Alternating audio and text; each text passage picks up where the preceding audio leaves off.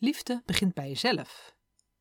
Sterker nog, liefde voor de ander heeft meer met jou te maken dan met degene van wie je houdt.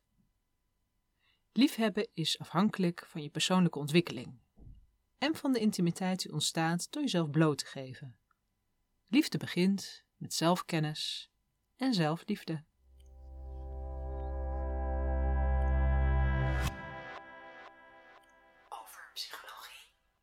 Hallo, ik ben Mirella Brok, relatietherapeut en schrijfster.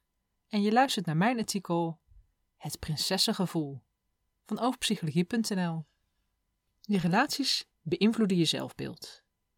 Je zelfbeeld ontstaat doordat jij en mensen om je heen je gedrag beoordelen. Dat oordeel bestaat uit drie processen. Ten eerste, de vergelijking met anderen. Je weet pas wie je bent als je weet wie je niet bent. Ten tweede, de feedback van anderen. Anderen reageren op jouw gedrag en zo ontvang je feedback. Als je jong bent, zijn het voornamelijk je ouders die op je reageren en later is het voornamelijk je partner. Als jij eruit ziet, je gedraagt en klinkt als een prinses, dan behandelt de wereld je ook zo. Ten derde, je eigen gedachten. Je denkt te weten wat anderen van je vinden. Je zelfbeeld kan positief en negatief zijn. Mensen met een positief zelfbeeld zijn tevreden en kunnen voornamelijk prettige kwaliteiten aan zichzelf toekennen. Zo voelen zij zichzelf veilig bij contact met anderen. En ze staan niet zoveel stil bij de oordelen over henzelf. Het grootste gedeelte van de mensen houdt zich daarin een beetje voor de gek. Ze beoordelen zichzelf iets beter dan ze in werkelijkheid zijn. Is dat erg?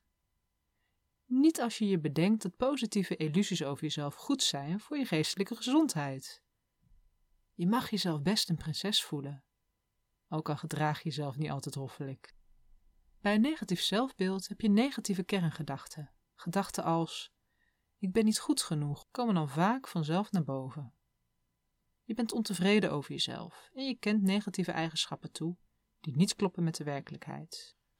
Wanneer je negatieve gedachten over jezelf hebt, zal je gedrag in je relaties beïnvloed worden door die negatieve gedachten soms vrij onschuldig, bijvoorbeeld in ongelijkheid in een relatie, soms iets vervelender, bijvoorbeeld een onveilige hechtingsstijl, en soms zeer ongezond.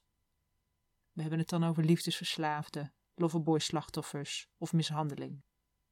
Dat is nogal zwart-wit, alsof je zelfbeeld altijd positief of altijd negatief zou zijn. Het zal wel wat afwisselen, hè, zo nu en dan maar overwegend, gemiddeld genomen. Heb jij dan een positief zelfbeeld of een negatief zelfbeeld? En hoe beïnvloedt dat jouw relaties? Wat vind je daarvan? Zou je je zelfbeeld misschien een beetje willen opvijzelen? Luister dan vooral naar deze podcasts. En lees ook vooral artikelen van overpsychologie.nl. Want psychologie helpt je je zelfbeeld te verbeteren. Een zelfbeeld kan namelijk veranderen. En dat is goed nieuws.